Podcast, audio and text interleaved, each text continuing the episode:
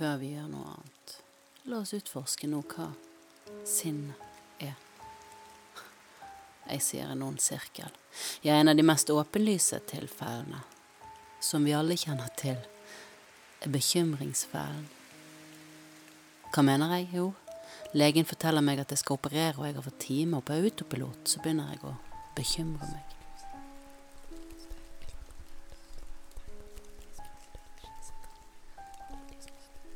Men siden å bekymre seg ofte fjerner appetitten, eller jeg tar dårlige matvalg, sliter med å sove, våkner på natten, snur meg, vrir meg, klør meg, kvir meg Nei, derfor så er ikke bekymring spesielt bra for meg. Og så husker jeg plutselig legen som sa at det er viktig at jeg får nok hvile, og er opplagt, og ved god helse på operasjonsbordet utsove og velernært, og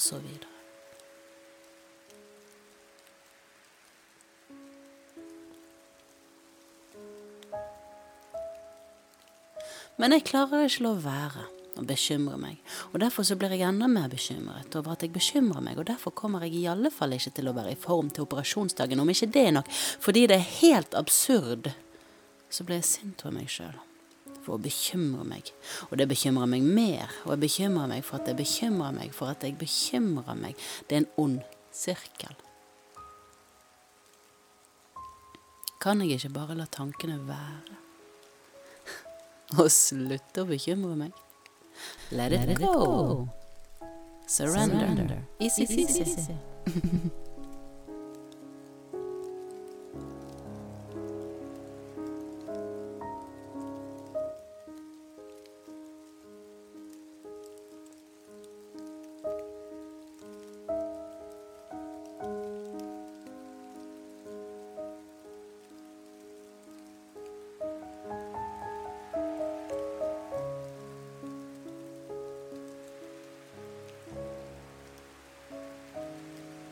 Og nå som jeg først har lært at å tenke det viktigste jeg gjør for kjødets overlevelse, er det vanskelig å snu i, og kanskje fordi at folk flest bruker hele livet sitt på å være i farta og underholdt og føle seg fullstendig ukomfortable med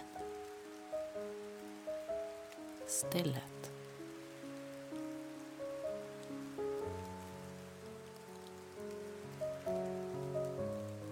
Når jeg er der, aleine, ingen der til å underholde tankene, ingenting å gjøre. Ingen input fra omgivelsene, ja, da kommer de. Bekymringene. Siden jeg ikke har noe å distrahere meg med. Jeg liker ikke Jeg liker, Jeg liker ikke å være aleine med meg sjøl.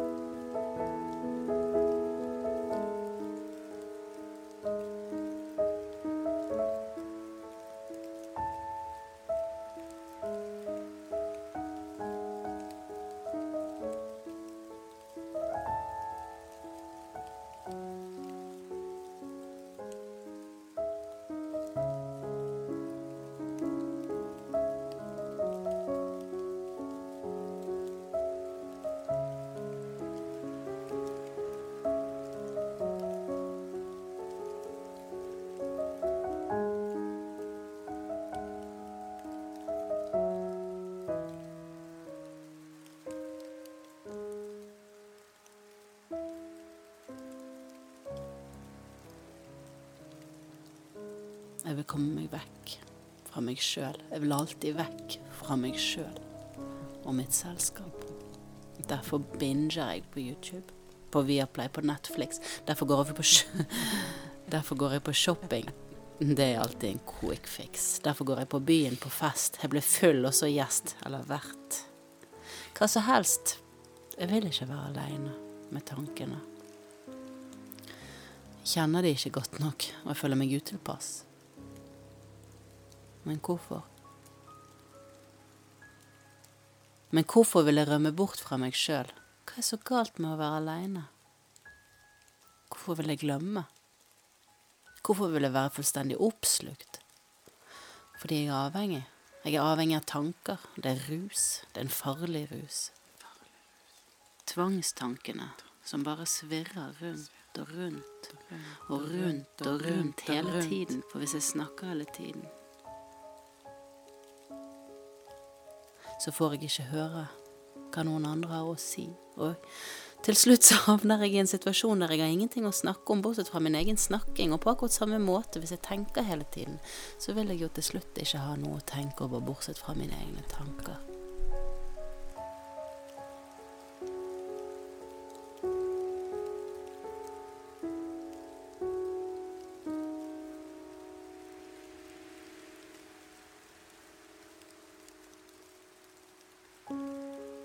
Så må vi få nye bøker på biblioteket. Og mesteparten av bøkene som blir satt i hyllene, er bøker om bøker, og de er ikke nødvendigvis bøker om livet, noen av de kanskje, men de aller fleste bøkene, spesielt doktoravhandlinger, er bøker som handler om bøker om våre bøker om våre bøker, og med det kommer vi egentlig ingen vei. Så for å få tilgang til de gode tankene, tankene om noe ekte, og originalt, tankene som bygger opp, ikke bryter ned, så må jeg slutte å tenke.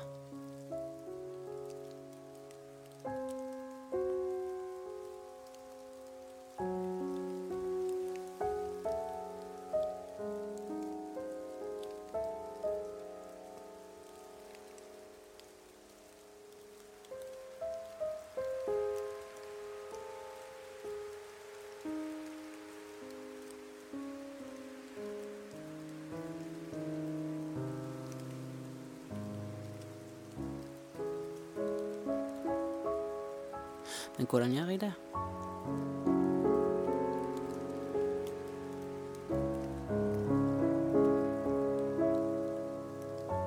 Første regel er Ikke skubb vekk tankene, fordi når jeg gjør det, så er det som å prøve å rense grumsete vann ved å skli hånden gjennom vannet for å dytte bort partiklene.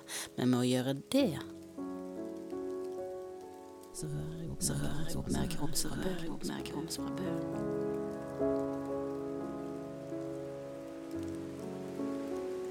Og på samme måte som grumsete, urolig vann vil stilne helt av seg sjøl når det får være i fred. Vil også sinnet falle til ro.